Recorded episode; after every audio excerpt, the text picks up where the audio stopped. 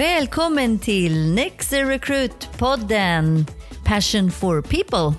I det här avsnittet kommer du få lyssna på Pirjo Demelos och mitt samtal. Hon är HR businesspartner på Hankook Tires.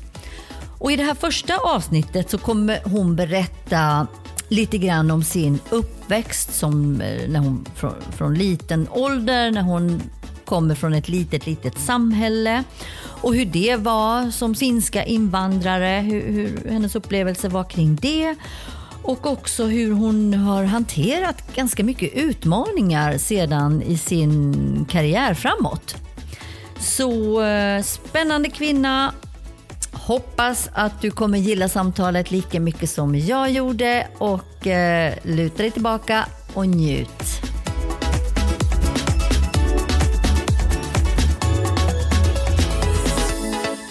Hej och välkommen Pirjo till lilla podden här Passion for People. Tack snälla, tack för att jag fick komma. Ja, det är ju klart. Du är en fantastisk kvinna. Du Pirjo, du heter alltså Pirjo Demelo ja. och du är ju HR Business Partner på Hankook Tires. Ja, det stämmer bra. Ja, och det är ju ett jättespännande bolag tycker jag, som man kanske inte har hört jättemycket om, men vi vet ju att det handlar om, däck, eller jag vet att det handlar om däck. Precis. Men du får jättegärna bara berätta lite, lite, lite mer om bolaget initialt. Mm. Eh, Hankook Tire det är alltså ett eh, sydkoreanskt eh, däcktillverkarbolag. Finns globalt. Eh, vi finns i Sverige också. Vi är cirka 30 anställda kan man nog säga. Eh, tillverkar eh, personbilsdäck och för tyngre fordon. Tillverkningen finns eh, inte i Sverige då såklart, utan eh, i Asien och Ungern och lite sådär. Eh, spännande, absolut. Helt ny eh, område för mig. Eh, jag har jobbat där i tre år nu. Eh, jag hade ingen aning om vad Hancock var innan jag började där. Hade kanske inte någon aning om däck överhuvudtaget, vilka märken de har. för det är ju bara något som finns på bilen. Så. Ja, det är klart. Mm. Det måste finnas på bilen. Ja, det är ganska, ganska bra om det finns. Annars blir det så, ungefär som en ratt. Ja, ja. exakt.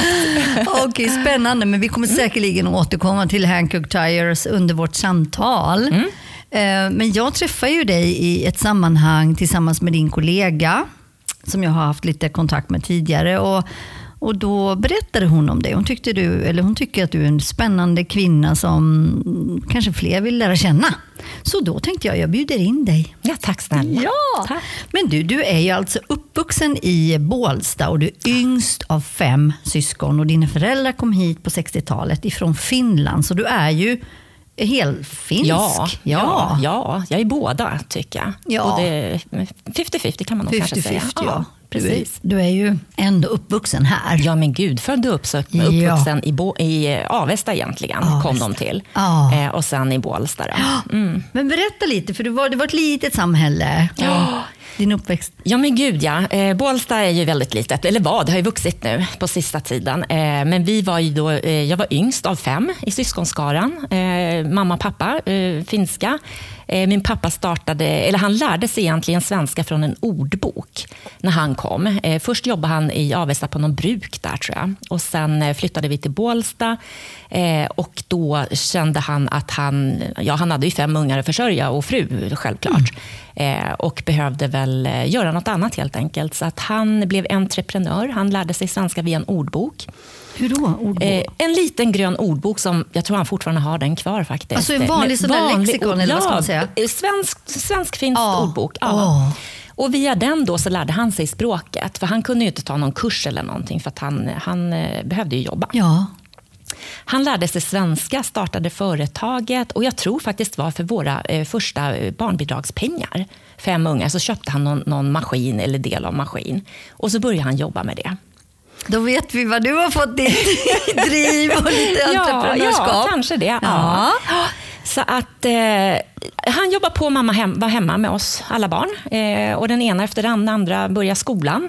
Och det var ju Koskela hette vi, ett ganska vanligt finskt efternamn. Så när det var min tur som var sist i skaran, de bara nej, inte en till.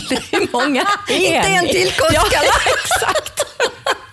Så jag fick försäkra mig att jag är sist. Och det var ju alltid på lågstadiet, sen var det mellanstadiet, sen var det högstadiet. Så jag sa att nej, men nu kommer det inga fler.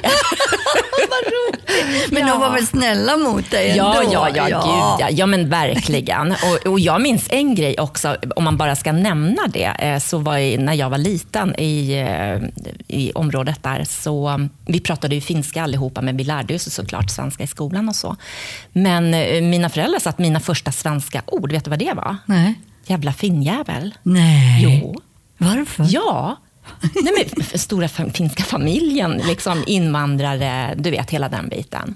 Oj! Men det gick jag ropa till alla andra också, Nej. utan att förstå bättre. Nej. Eller, ja. Men det, det försvann väl sen? Ja, ja visst. Men Ja. man får liksom, kanske man får överleva, fightas redan där i sandlådan. Liksom. Ja. Att man på något vis varit utmärkande och får liksom försvara sig själv helt enkelt. Ja, men har du känt av det? när du, För jag är ju själv också. Mm. Eh, Jag var ju bara fyra när vi kom från Tjeckien. Mm. Eh, Har du känt av eh, lite sådana... Ibland i skolan sådär, eh, faktiskt. Eh, och det är namnet som avslöjar en helt enkelt. Mm. Visst. De har ju alltid haft svårt att säga mitt namn och de frågar vad det betyder. Och det, jag vet, det betyder väl ingenting. Det är ett namn. Ja, just det. Så att, eh, bara så, men inte så att jag blivit mobbad på något vis. Jag var Nej. ganska blyg, lite tillbakadragen. Eh, jag var lite sådär eh, bakom kulisserna hellre, inte först i ledet på något vis. Mm. Så de två första veckorna i skolan trodde de inte ens att jag kunde svenska.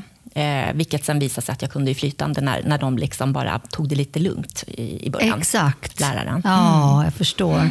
Men, ja, men det är lite spännande intressant där när man är liten och ung. Och på den tiden, vi På den ju tiden, ja, det här är ju lika... 70 70-talet Ja, någonting ja men då var det inte jättevanligt heller Nej, med nej. invandrare. Nej, för bövelen. Och det. inte i vårt lilla samhälle. Där Nej, det, var. nej. det var ju egentligen bara några finska eh, familjer som bodde där då. Ja. Eh, så, att, så vi var nog ganska utmärkande. Alla kände ju oss och vi kände väl alla, men vi var ju många i alla åldersgrupper om man Ja, säger. ja. Så att såklart att... Eh, Men där var fick du lite- lära dig kanske från början att kriga lite. Ja, men kanske det. Kanske det ja.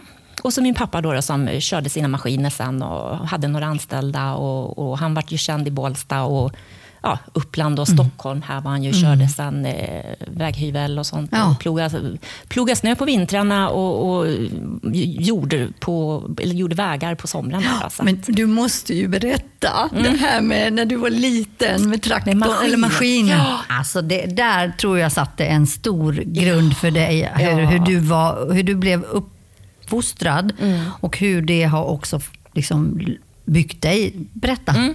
Jo, men jag var nog en, jag tror att jag var kanske en sju, åtta år någonting. Eh, när vi, jag hängde mycket med min pappa och i hans verkstad. Och han, han hade alltid svarta fingrar. Jag trodde alla karlar hade svarta fingrar och skit under naglarna. Jag varit jättechockad sen lite senare i livet att så var det inte. Att det fanns rena ja, män. Rena händer framför allt. Nej, men då skulle han förflytta en stor lastare, eh, jättestor maskin från eh, punkt A till punkt B. Det var en stor arbetsplats, det var ingen fara, som ett, som ett grustag kan man nästan kalla det för. Eh, och Sen hade han ju bilen, så att istället för då att köra två gånger och gå emellan så tyckte han att jag kunde köra den här lastaren. Då. Så han visade mig eh, gasen och bromsen. Eh, och Det var ju knappt så att jag med hela min tyngd orkade gasa eller bromsa. Så, ja, visst. Men, men, kör, men jag styrde ju och rattade på det. Det gick ju kanske fem kilometer i timmen. Ja, Väldigt sakta. Eh, men det gjorde vi och jag körde den och han hoppade ur och hoppade in i sin bil bak, eh, bakom och sniglade fram efter mig. Då, då. Och sen helt plötsligt så glömde jag vilken var broms och vilken var gas. Så jag började vifta med armar och ropa på honom. Och han stannade bilen och sprang ikapp och frågade men vad är det? Ja, men vilken var det som var bromsen? Glömt det. Herregud vad roligt. Ja. Men du, men du, ändå, du var ju inte ens rädd då Nej. om jag förstår. Det är det, det som ändå fascinerar mig. Ja. Nej, jag var inte rädd. Och jag hade ju alltid varit med han på den. Du vet, jag klättrade i de här maskinerna. Jag var med ibland när han jobbade efter skolan. Jag fick eh, smörja nå, jag vet inte ens vad jag har smort, men någonting smorde jag med några stora grejer och, och såna här pluppar runt om på maskinen. Och, jag var ju med han hela tiden, så det var liksom... Och du blev ju absolut inte curlad. Nej, nej, inte Eller hur? nej, gud, nej, Nej. nej. Det, nej. Skulle vi någonstans, fem ungar, eller skulle vi spela fotboll eller något, och det fanns ju inte på den tiden heller. Det var ju ute på plan eller i rinken om man spelade hockey eller fotboll eller vad det var.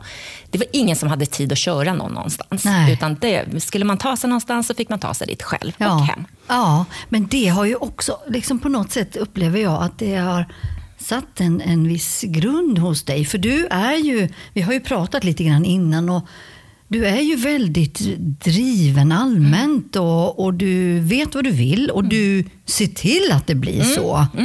så. Ja, men verkligen. Eh, vill jag någonting så, så går jag den vägen och då, då gör jag det. Och det jag vet inte riktigt hur, men, men jag ser till att det händer. Och likadant åt andra hållet. Har jag ruttnat och tröttnat eller vill inte någonting, men då gör jag något åt det Ja, också. Så ja. jag går inte och trampar och trampar och trampar.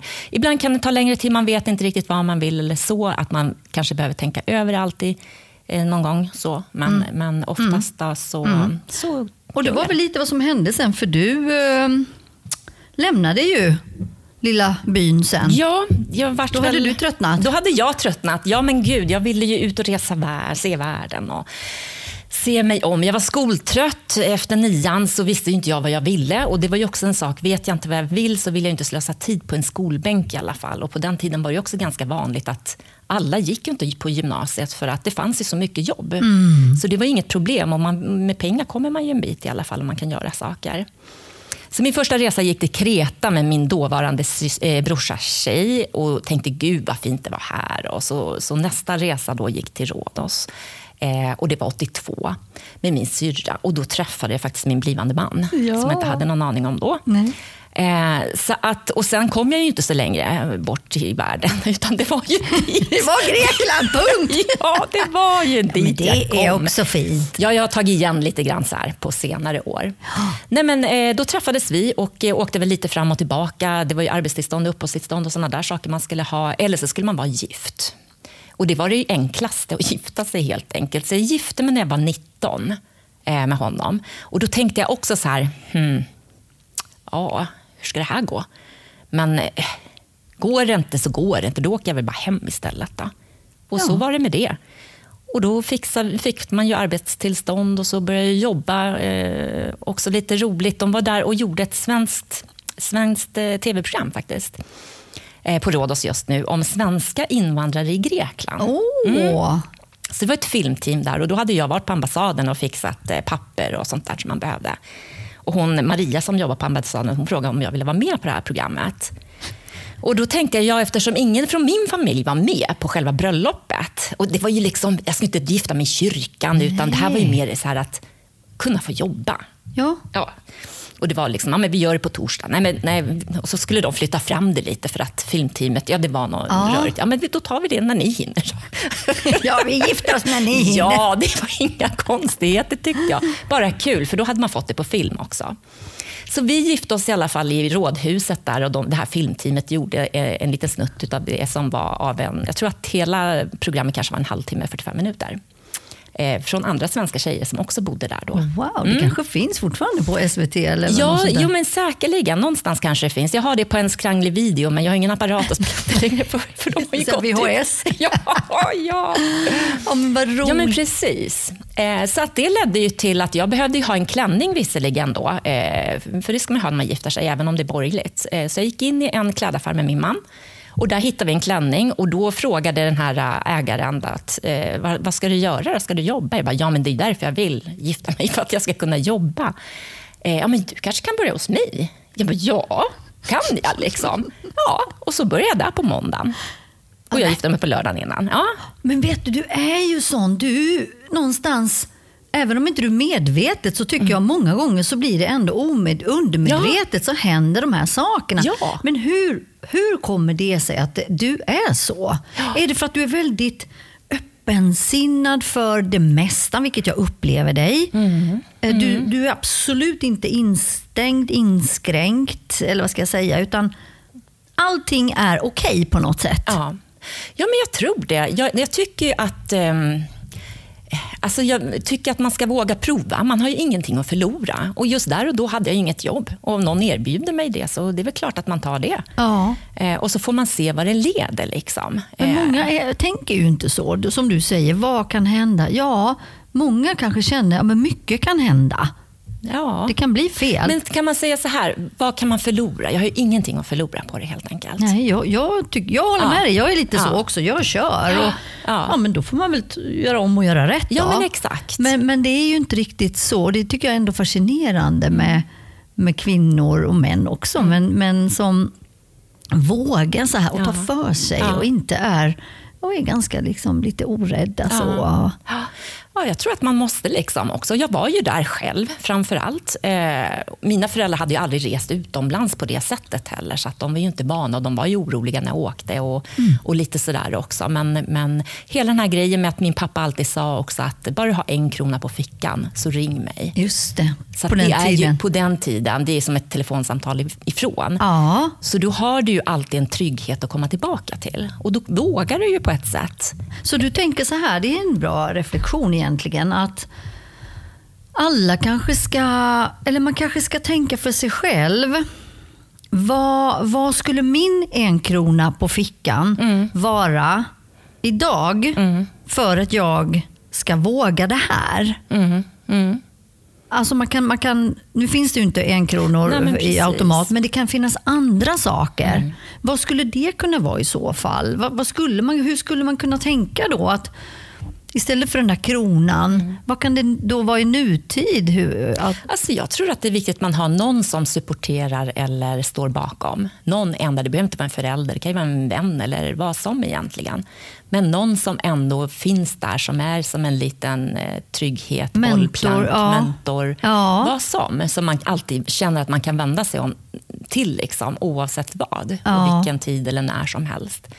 Så att man vet det och då, då vågar man ju testa lite. Och, och just det här att vad kan hända egentligen? Precis, och det, har, det är ju lite så här med, med jobb också nu, yrkesliv och val eh, av ehm, ja, men både med unga men även liksom alla människor. Det är ju så att en del vill ju inte hoppa av olika anledningar, fast de kanske borde. Absolut. Det är ju så. Många sitter ju på, på ställen som de inte vill. Ja. Mm. Och vi är ju inom tech. Ni är ju också på ett sätt. Ja. För det är ju mycket tekno- teknologi bakom. Ja, För att det ska, däcket ska bli som det ska bli. Så det är ju också av, av det, den anledningen som jag tycker det är så intressant att ha dig här. Mm. För du är ju också i en ja, men lite mansdominerad Mm. eh, värld, så kan man säga. Men, Så vi vill ju på något sätt också uppmuntra eh, tjejer och, och killar Mm. att ehm, det finns eh, intressanta saker att utforska. Ja, ja, precis. Och det har ju du gjort både privat när du Mm. var ung, men även senare. Det, det kommer vi också prata lite mer om. Men, men eh, även i jobbet Mm. och så. så att det, Nej, man måste ju våga, för annars, så kommer, annars blir man ju kvar och sittande liksom, på ett och samma ställe. Och det du inte kan, du kan ju alltid lära dig allting mer eller mindre. Det känns ju lite så, i alla fall för mig har det varit det. Och sen har väl inte jag sökt något kirurgjobb eller något sånt där. Alltså man vet väl sina begränsningar. Ja. Så är det ju. Ja. Men eh, jag har jobbat på så många olika ställen och jag har aldrig ångrat någonting av det jag har gjort. Eh, Men jag skulle ju ångra jättemycket om jag inte tog chansen. Eh, om jag ser någonting, en annons eller någon hintar om någonting, Mm. så har jag ju alltid ett driv att jag måste ändå kolla vad det är för någonting. Och du är ju väldigt också, du har ju blivit väldigt, kanske på grund av att du har varit tvungen när du var liten, för det var ingen som gjorde saker Mm. åt dig. Det här med lösningsorienterad. Eh, Du berättade ju också det här med när du kom till Philips, för där var du ju i ganska många år. Mm, jag var där i 16 år. Ja, 16 år.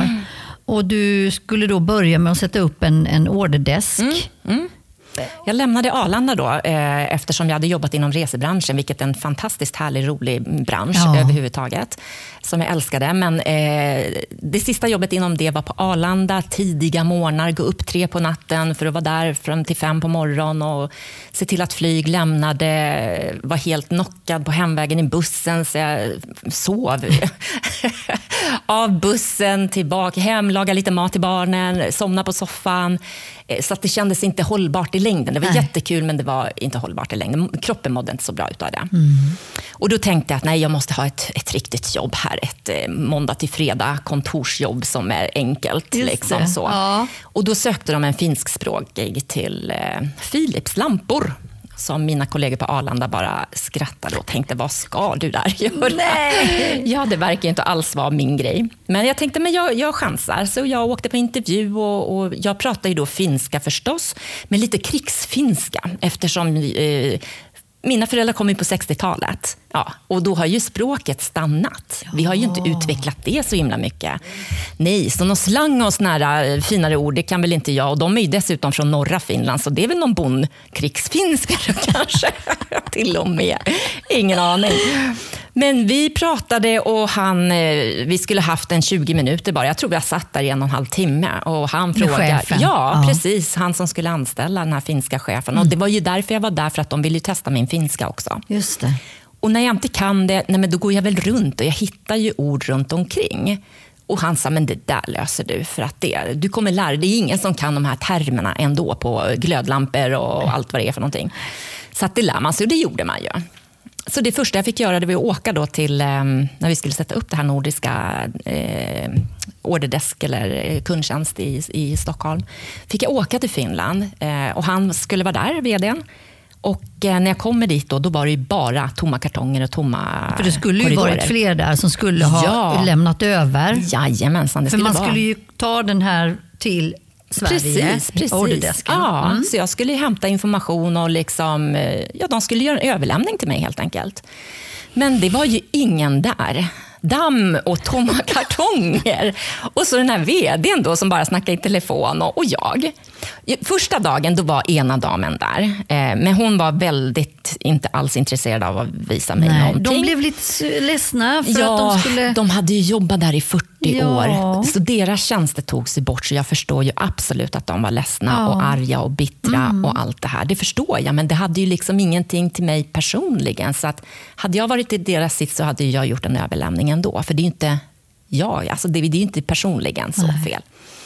Men hon var där kort bara. Eh, men hon hade ingenting att ge mig. Hon hade ingenting som helst att berätta efter de här 40 åren till mig.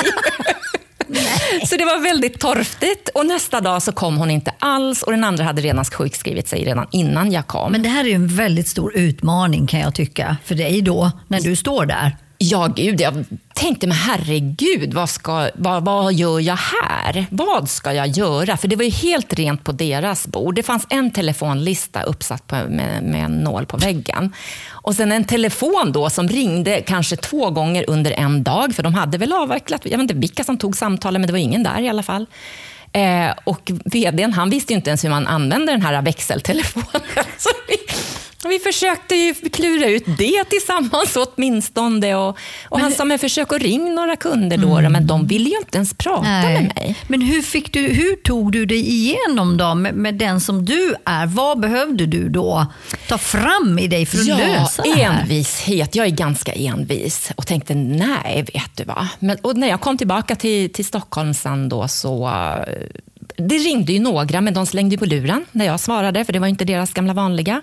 Och Sen började jag liksom lite försiktigt eh, försöka hinna med och säga i alla fall att de finns inte kvar. Att nu är det jag.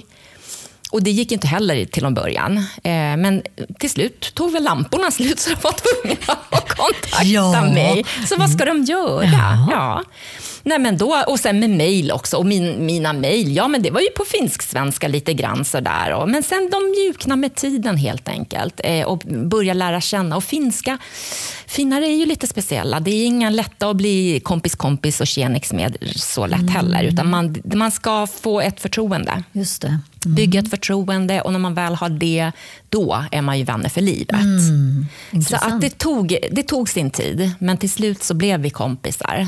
Tills att jag beställde en hel truck med lampor till en liten affär istället för en kartong. Du tryckte lite, lite någon nolla mer Ja, där men kanske. precis. Det vart en liten fel, fel där. Men det skrattade vi åt. Eh, och så fick vi det att prata Ja, om men istället. då, du lyckades då tillsammans med den här vdn och få upp den här Ja. orderdesken till slut i Sverige. Absolut. Ja, så det var norskt, finskt, svenskt och danskt. Ja. Så vi var en för varje land och så supporterade vi Men du varandra. gav ju inte upp. Nej, gud nej. nej. Absolut inte. Men sen vart det ju lite det där att allting gick på flytande efter ungefär ett och ett halvt, två år. Då började allting, det rullar ju allting. Och då vart jag rastlös. Eh, för jag måste ju ha lite att göra och inte bara stå och vänta på att man ska... Förvalta, Ja, nej. nej, men det går inte. Och då ser jag den här eh, intern-tvn som söker en till eh, serviceavdelningen på konsumentelektronik. En finsktalande. Jag bara, men herregud, det är jag kan ju finska. Nu har jag ju övat. Det står mitt namn på annonsen. Ja. Nej, men då gick jag bara, eller jag ringde vår HR då och hon sa, men gud, jag sätter upp ett möte här. Kan du gå dit om en timme? Han är ledig då. Ja, det kan jag väl. Så jag gick dit. Och på eftermiddagen hade jag det jobbet. Och det var helt knasigt, för jag hade inte ens förvarnat min chef. Han var ju besviken, Åh, ledsen. Kanske trodde att det hade någonting med han att göra, vilket det absolut inte hade. Eh, Men så där var det. Så jag jobbade dubbelt den sommaren för att täcka för det jag lämnade och även komma in i det nya jobbet. Då. Men det var jätteroligt. Och du vet, två telefoner, två datorer. Vilka kunde var det nu då? Var det tv ni hade problem med eller var det en glödlampa? Precis, men du har, ju all, har du alltid varit sån här, menar du då? Sån här att du måste ha mycket, du vill aldrig att det ska bli tristess. Jag tror det. Såvida jag inte är på semester, för jag kan ligga och lata mig på stranden i en solstol från morgon till kväll. Verkligen. Är det då, hur, hur liksom samlar du krafter Ja, men jag själv? tror det. Är det så? Ja, jag tror det. Man, man bara liksom, eh, jag tränar ju lite, ut och springer i skogen, promenerar med hunden. Eh, lite sådär. Eh, men, eh, men jag tycker ju om, jag, jag kan inte ha ett jobb där jag måste vänta på att någon ska säga till mig vad jag ska göra eller, eller bara vänta på någonting. Det går inte. Då, då, nej, det går inte. Mm, jag måste, Nej. jag ja, måste men det, det har jag ju verkligen för, Mm. förstått. Det, det är ju, du är ju jätte... Alltså jag tycker det är helt fascinerande, för jag vet inte vad du inte skulle egentligen klara av. Ja, eh, operera en människa. Ja, där tror jag vi är två då. Ja, nej men vill man verkligen, och så lär man sig på vägen. Jag tror att man ska inte vara feg. Man ska, inte, man ska våga testa. Jag tror att det är grejen. Och, Ja. och just det där... Jag är, inte- jag är inte rädd att, att ta tillbaka det där jobbet på Konsum om det skulle vara så. Skiter det sig så, så finns det ju alltid något annat.